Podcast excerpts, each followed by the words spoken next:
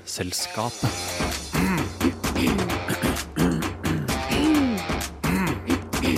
Vitenselskapet. Smarte telefoner er oss alle godt vant til, men hva annet kan bli smart? Denne uka er Vitenselskapet opptatt av alt som er smart, eller mindre så. Og skal se på hva teknologien kan gjøre for å smartifisere livene våre, fra byutforming til klærne på ryggen din.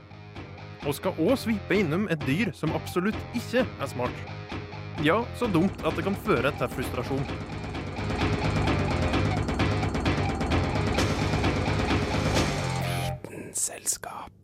Folk er veldig ofte opptatt av smarthet. Dess smartere du er, desto større respekt får du. Å implementere teknologi i hverdagen er oss enige om at er en smart ting. Derfor har vi etter hvert med smarte telefoner, biler, tavler og mer å gjøre. Teknologi får oss knappast nok av. Som ei bakside av smartfokuset blir det dumme latterliggjort, og særlig dumme dyr kan by på en god latter. Hva er vel morsommere enn en hund som slåss med speilrefleksjonen sin?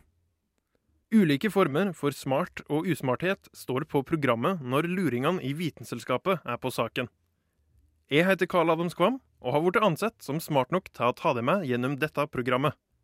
Å vite vet Vitenselskapet.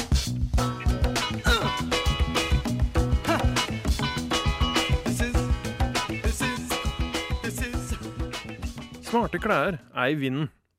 Forskere har allerede utvikla T-skjorter som kan måle hjerterytme, bikinier som sier fra når du har vært i sola for lenge, og jakker som kan ta telefonen. Men den hellige gral av smarte plagg er ennå ikke å finne i butikken.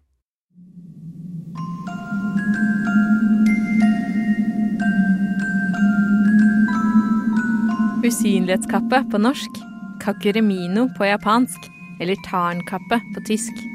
Plagget som får bæreren til å forsvinne fra syne, har fascinert menneskene i hundrevis av år.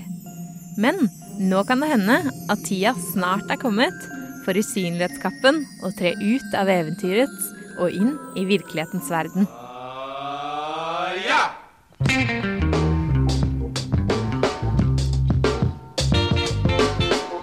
Blant de mange forskerne som jobber med temaet usynlighet og materialer, så har en gjeng fra det britiske forskningsmiljøet publisert en studie der de presenterer en slags elektromagnetisk usynlighetskappe. Den såkalte kappen er egentlig et materiale som består av syv supertynne lag med ulike elektriske egenskaper. Når lagene legges oppå hverandre, så danner de et materiale som har varierende brytningsindeks innad i det samme materialet.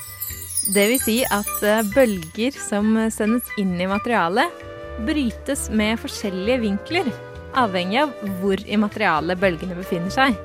Så kort fortalt så fører det til at en flat overflate kan oppføre seg akkurat som en kurva linse.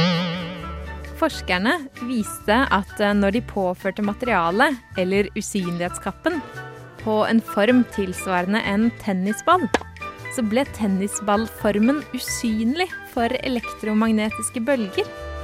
Materialet fører altså til at eh, elektromagnetiske bølger ikke klarer å interagere med kurvede objekter.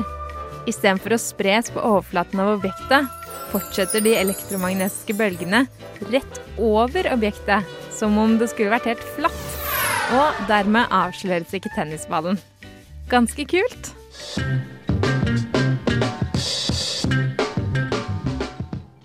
Enn så lenge tenker forskerne at eh, teknologien kan brukes innen noe så kjedelig som telekommunikasjon for å forhindre uønska bølgespredning. Men de utelater heldigvis ikke at eh, materialet i en teoretisk framtid også kan brukes til å gjøre mennesker usynlige.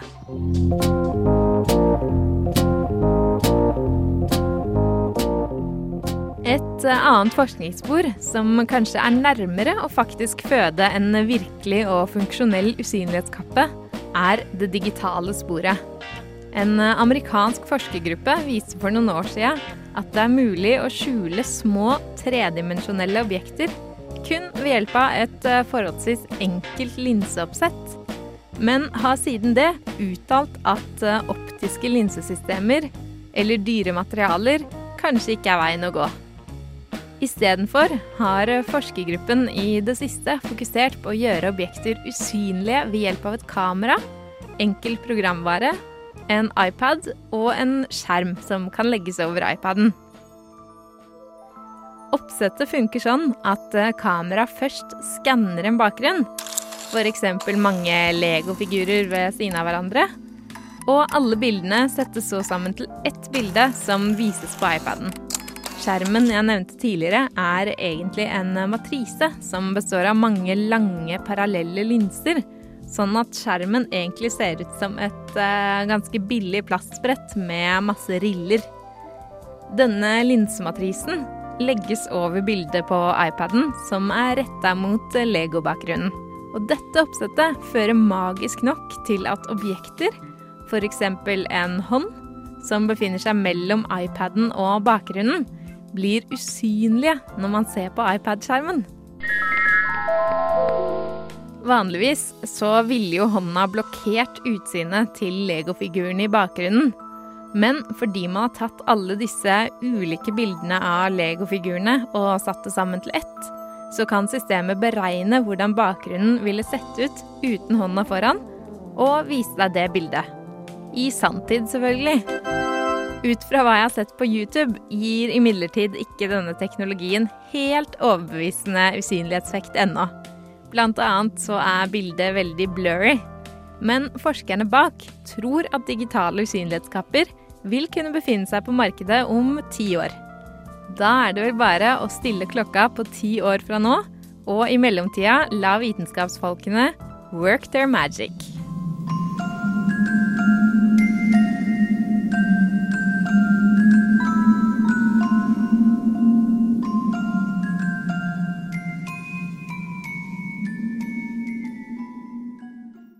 Usynlighetskappa er blant annet sett på Harry Potter, Sigfrid og kong Arthur, og snart kan den òg sees på det. I hvert fall hvis disse forskerne får det som de vil. Dette magiske innslaget er laget av Hanne Grydeland. Vitenselskapet. Vitenselskapet på Radio Nova.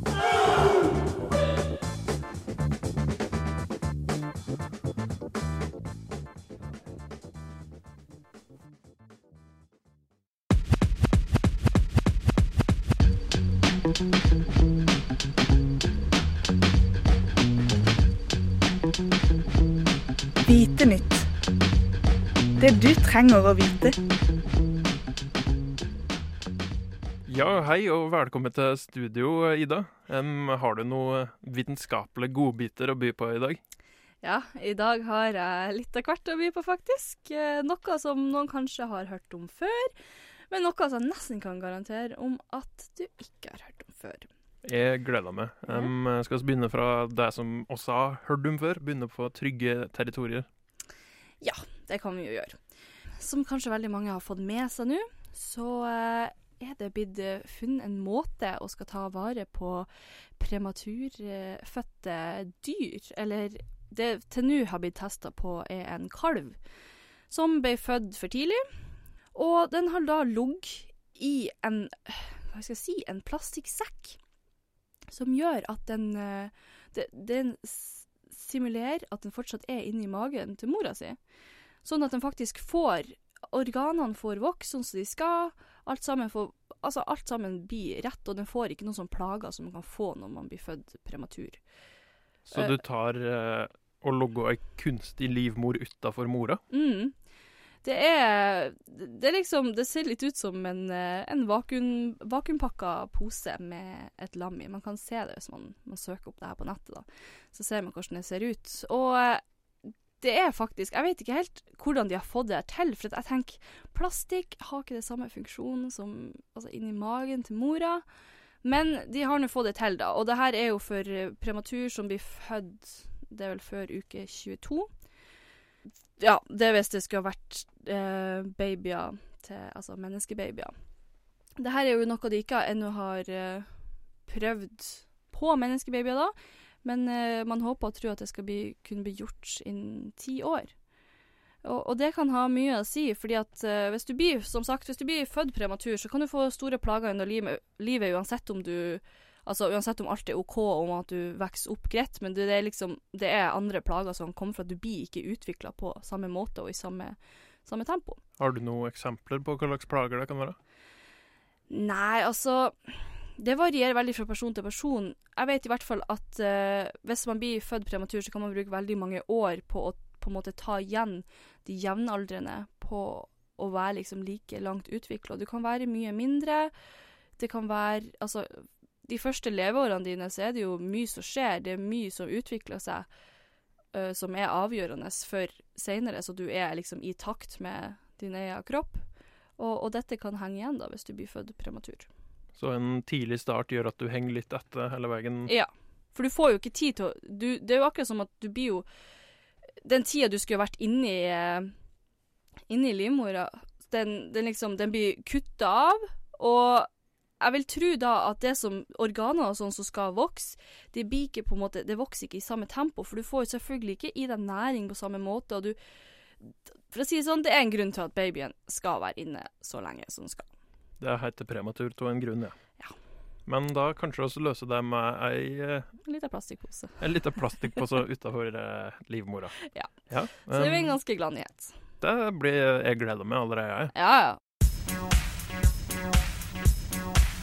Hæla i taket med Vitenselskapet.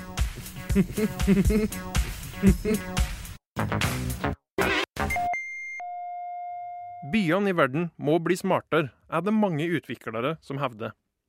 Såkalte smart cities er blitt veldig trendy, men hva innebærer det egentlig at en by er smart? Hvis du tenker tilbake på filmer du har sett, hvor handlingen foregår i framtidige byer på en annen planet eller denne, har de aller fleste noe til felles. De er, eller i det minste prøver å være, smarte byer. Det finnes mange definisjoner på hva en smart by er, men for å si det helt, helt enkelt, så er en smart by en by som bruker teknologi for å fungere optimalt. Det kan f.eks. foregå slik at det samles inn data som sier noe om innbyggernes behov eller bruk av en tjeneste. Disse dataene analyseres, og så reguleres tjenesten deretter. Hvis du tenker på en smart by som kroppen til et menneske, som eh, kanskje ikke alltid er det smarteste som finnes, men som i det minste er noe vi alle har et forhold til, kan man si at den digitale kommunikasjonen på nett, som knytter folk sammen, er nervene. Sensorer plassert rundt i byen er følelsessensorene, altså huden på en måte, og programmene som har evnen til å analysere dataene som kommer inn, og reagere på disse på en optimal måte, kan vi kalle hjernen og kunnskapen vår. Nå kan dette med smarte byer lett bli litt for teknisk, og tro meg, Wikipedia-siden på dette emnet er temmelig tørr og kjedelig. Så hva med en liten tur rundt i verden for å høre litt om noen av de smarte tingene som allerede finnes?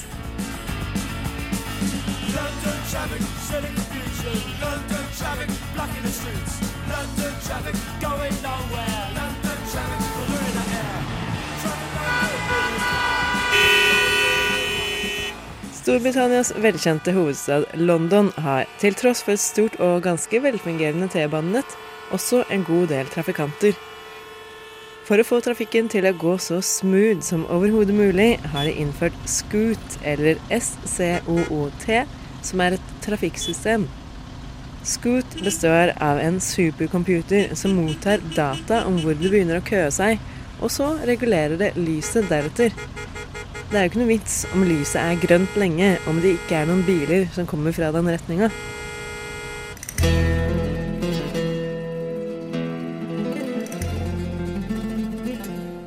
Trafikk er en av de viktigste infrastrukturtingene som smarte byer kan forbedre, og dette er det flere byer som utnytter, bl.a. Spania. Barcelona bruker f.eks. smarte trafikklys som gjør det lettere for busser å komme fram, og ikke minst gjør det lettere for utrykningskjøretøy å komme fram. Om f.eks. en ambulanse må rykke ut, kan det smarte systemet bruke GPS-teknologi for å sørge for at sykebilen bare får grønt lys, og dermed kommer frem raskere. I tillegg til trafikkflyt bruker de også smart byteknologi på noe annet flytende, nemlig vann til parkene. Mange parker er utstyrt med sensorer som merker når det begynner å bli for tørt, slik at vanningssystemet skrur seg på. Dermed kan man bruke vann kun når det faktisk er nødvendig. I Santander, en annen spansk by kanskje mest kjent for å hete det samme som en bank, har de tatt dette med sensorer enda mer seriøst. Her har de 20 000 sensorer plassert på strategiske steder rundt om i byen, som måler bl.a. luftforurensning, trafikk, støy og parkeringsplasser. Alle disse eksemplene bruker data for å sikre en fungerende infrastruktur, men det går også an å bruke smart city-teknologi og tankegang på andre måter. I Santa Cruz i California har politietaten begynt å bruke statistikk for å finne ut hvor det er størst sjanse for at noe kriminelt skal skje. Dermed kan de få en oversikt over hvilke steder og tidspunkter det f.eks. er størst sjanse for at det blir innbrudd, og sende politibiler dit for enten fange kriminelle eller motvirke at det skjer noe. Teknologi kan med andre ord regulere bruken av en by på mange måter, og selv om det ikke finnes noen byer ennå som er helt sci-fi, alt styres av teknologi, bla, bla, bla, har veldig mange byer trekk av smarthet. Også Oslo, hvis du tenker over det. Ruters sanntidssystem sier hvor bussen din ligger an, både på app og tavle. Trikken får alltid grønt lys, det er ikke tilfeldig, vet du. Og Meteorologisk institutt måler forurensning til enhver tid og varsler om det blir for mye. Dette er bare noen av eksemplene på at også lille Norge og bitte lille Oslo holder på å utvikle en teknologisk intelligens. Sjøl om mye smart teknologi kan gjøre at byer kan fungere smoothere, er det òg noen som advarer for å gjøre byer for smarte. Kritikere hevder f.eks. at smarte byer kan øke forskjellen mellom dem som har tilgang og kunnskap om teknologi, og dem som ikke har det. F.eks. kan det bli vanskelig for mange gamle å gjøre ting om en trenger en app på smarttelefonen for å benytte seg av byen sine til bo.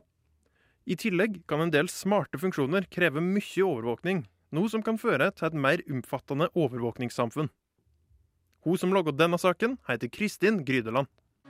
Vitenselskapet Vitenselskap? Vitenselskapet. Vitenselskapet. Vitenselskapet. Vite nytt. Det du trenger å vite.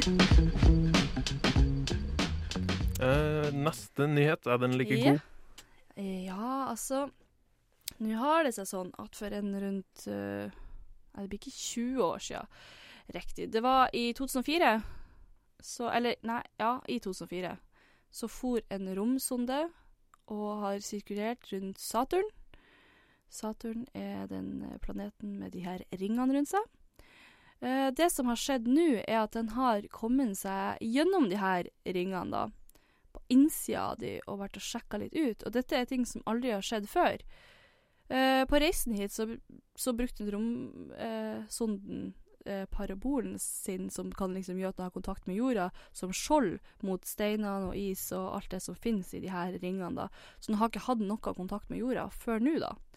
Så det er jo faktisk ganske kult at ei så lang reise, men fortsatt har hun klart å gi beskjed hva hva den har funnet. Uh, og så skal de da rett og slett Jeg vet ikke helt hva de skal finne ut, men de skal finne ut hva det er å finne ut, i hvert fall. Det er sikkert ganske mye spennende for nerdene i NASA. Ja, det vil jeg tro. De er i hvert fall veldig glad for det. Og det ser litt uh, Ser litt skummelt ut, faktisk. Veldig mørkt. Og så Men det er noe kult å se på, i hvert fall. For de som interesserer seg for det. Det er ikke en plass å reise på ferietur med det første, men Nei. kanskje NASA finner noe spennende og nyttig for oss. Ja, ikke sant? Hvem vet? Kanskje vi kan ferde dit i framtida, men vi blir jo brukt så lang tid på å reise dit at da må vi sende typ de her premature babyene i posene dit, eller noe. Nei da. God plan. God plan. ja. Men når den er ferdig da med denne reisen sin, så skal den sendes gjennom et eller annet som gjør at den blir tatt fyr på. For hvis den da For den er på tur å gå tom for drivstoff. Selvfølgelig, for den har vært på reise så lenge. Uh, og hvis den da blir tom for drivstoff, så kan den drive rundt, og så kan det hende at den fær liksom på Saturn. Altså til planeten. Uh, og da kan det hende at noen bakterier fra jorda kommer seg dit. Uh, og da, hvis vi da til slutt kommer oss og får sjekka om det er liv på Saturn, så vet jo ikke vi om det er liv fra jorda, eller om det er liv som var der fra før av. For det kan være bakterier som har kommet med. For om den har blitt vaska godt før den for av gårde, så vet man aldri. Mm. Så den skal settes fyr på og forsvinne til slutt. Det er ikke bare mor di som sier 'rydd rommet', det er NASA òg. ja. Så NASA, men de tar i hvert fall tak i det sjøl og skjønner det. Jeg vet ikke helt hvordan de skal løse det, men det får vi ta en annen dag. Det er vel det de prøver å finne ut. Ja, det skal vi gjøre. Og uh, har du noe mer enn nyheter å komme med? Det her er jo faktisk uh, Dette er den uh, artigste. Kanskje nå etter eh, helga et lite tips til uh, jenter eller gutter. Uh, nå har det sånn at uh, du vet øyestekkere, de De har litt sånn lang kropp, og så har de for noen vinger ut til siden. Litt, de kan bli litt lang, men de kan også være litt små, da. Men ja, jeg syns de er litt skumle, i hvert fall. De har jo også et forferdelig navn. Poenget her er her er det en forsker som har observert de her øyenstikkerne. Uh, over plasser der det er mange ut av de, så eh, Når menn da kommer fram til denne kvinneøyenstikkeren og liksom, hva skal jeg si, prøver seg på dem, vil pare seg med dem, Ymta litt frampå. ja. Eh, så har han observert at uh, kvinneøyenstikkerne har fløg ned på gulvet, eller gulv, altså bakken. De har liksom krasjlanda. Tatt stor fart, krasjlanda, så det ser ut som de faktisk har dødd ut av fallet. De har ligget helt bevisstløse. Uh, Manneøyenstikkeren har vært og sjekka på de, liksom. Hei, hei, går det bra? Men ingen reaksjon, ingenting skjer, ingenting. Og de bare ligger der helt livløse.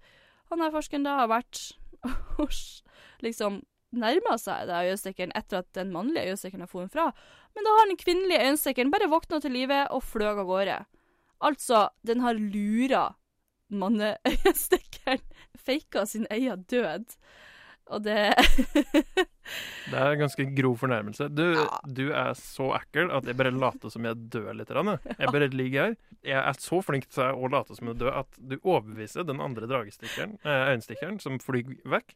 Men når forskeren kommer, så er det faktisk alvor. Da må du rømme. Er ikke sant, for da blir han jo redd. Øyenstikkere har eh, sine måter å eh, komme seg unna det de ikke vil på. Ja, Eh, men nå skal du få komme deg unna. Tusen takk for at du var med meg i studio. Takk for at jeg fikk han.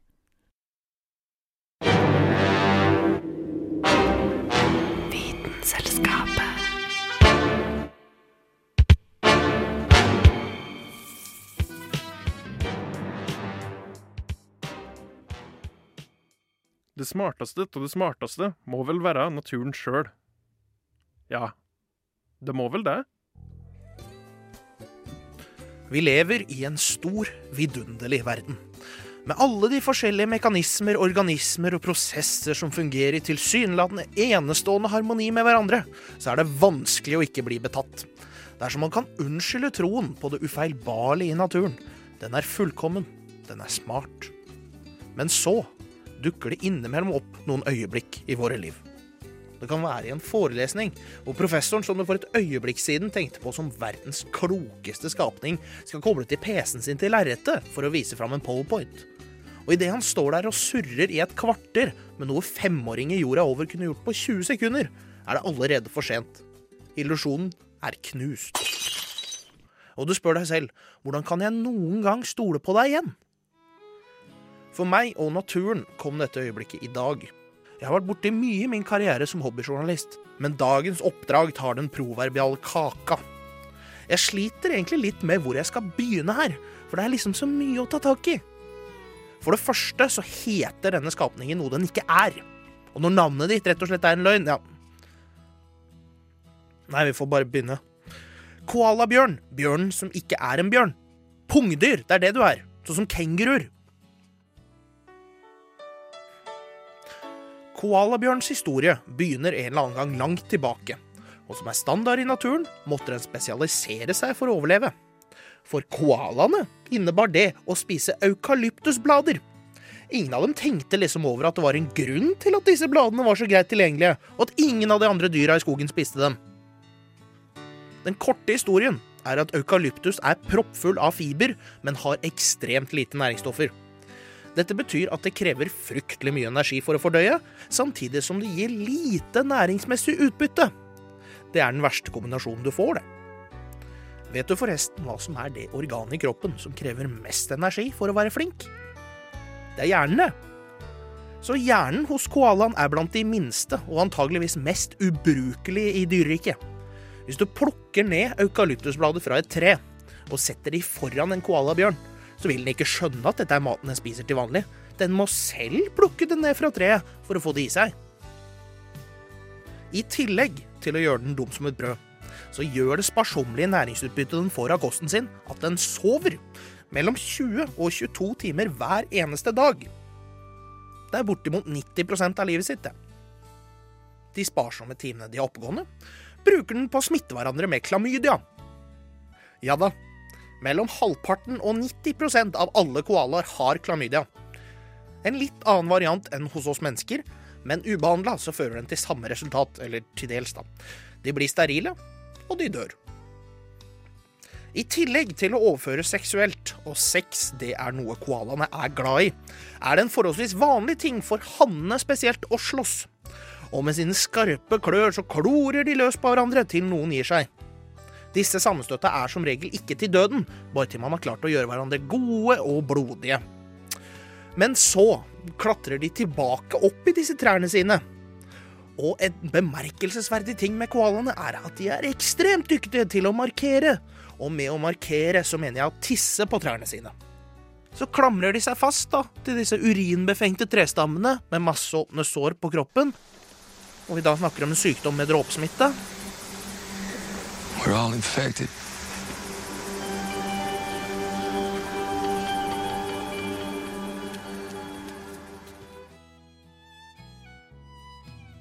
Og så skal vi til dagens første catch 22. For som du kanskje visste eller ikke visste, så er klamydia en bakteriell sykdom. Og for å behandle bakterielle sykdommer trenger man antibiotika. Men for koalaen er antibiotika potensielt dødelig, det. For bakteriekulturen som trengs for å fordøye eukalyptus er så heftig at i prosessen med å skulle ta knekken på klamydiaen, tar man knekken på disse også, og da dauer koalaen likevel, da, fordi den ikke får i seg maten sin. Ja Så flertallet av koalabjørnene har klamydia. Klamydia gjør dem sterile. Bestanden går ned. Jo, da må vi prøve å skape klamydiafrie bestander i skoger andre plasser i Australia, da. Og da, mine damer og herrer, har vi nådd dagens andre catch 22. Catch koala kan vi begynne å kalle det. For forsøk på å gjøre nettopp dette hadde nær katastrofale resultater. For uten klamydia til å kontrollere dem, formerte de seg i et voldsomt tempo. Og plutselig så sto enorme mengder skog i fare. Og sluttresultatet ville jo vært at koalaen hadde spist seg fra gård og grunn. Og døde ut likevel. Så da måtte man inn og kjemisk sterilisere dem da, for at de ikke skulle drepe seg selv. Genialt! Idiot. Eller Eller har vi det nettopp der? For uansett hva vi gjør, så finner koalaen en måte å dø på. Så kanskje jeg bare har sett på det her på helt feil måte? Det er vi som står i veien. Naturen vet hva den vil. Ja ja, så fikk jeg kanskje beholde min barndoms ro likevel, da. Og før du blir forleida over situasjonen til den søte koalabjørnen. Det her er sånn de høres ut.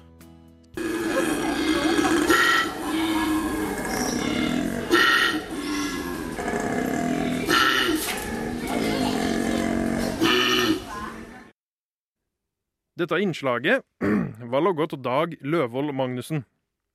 Dag Løvold Magnussen er for øyeblikket inne i uke tre av sitt rettspålagte sinnemestringskurs etter sitt angrep på den australske ambassadøren. Vitenselskapet. Da var oss kommet til veis ende i dag òg. Du kan høre oss når du vil på smarttelefonen din, på Soundcloud og podkast. Eller så kan du søke oss opp på Facebook eller Instagram for å få SoMe-gamet ditt rett.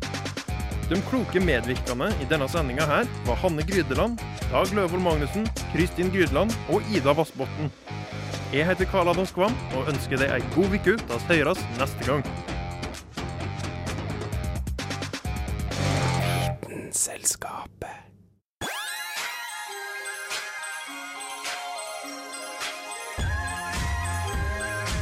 Radio Nova FM 99,3 og radionova.no.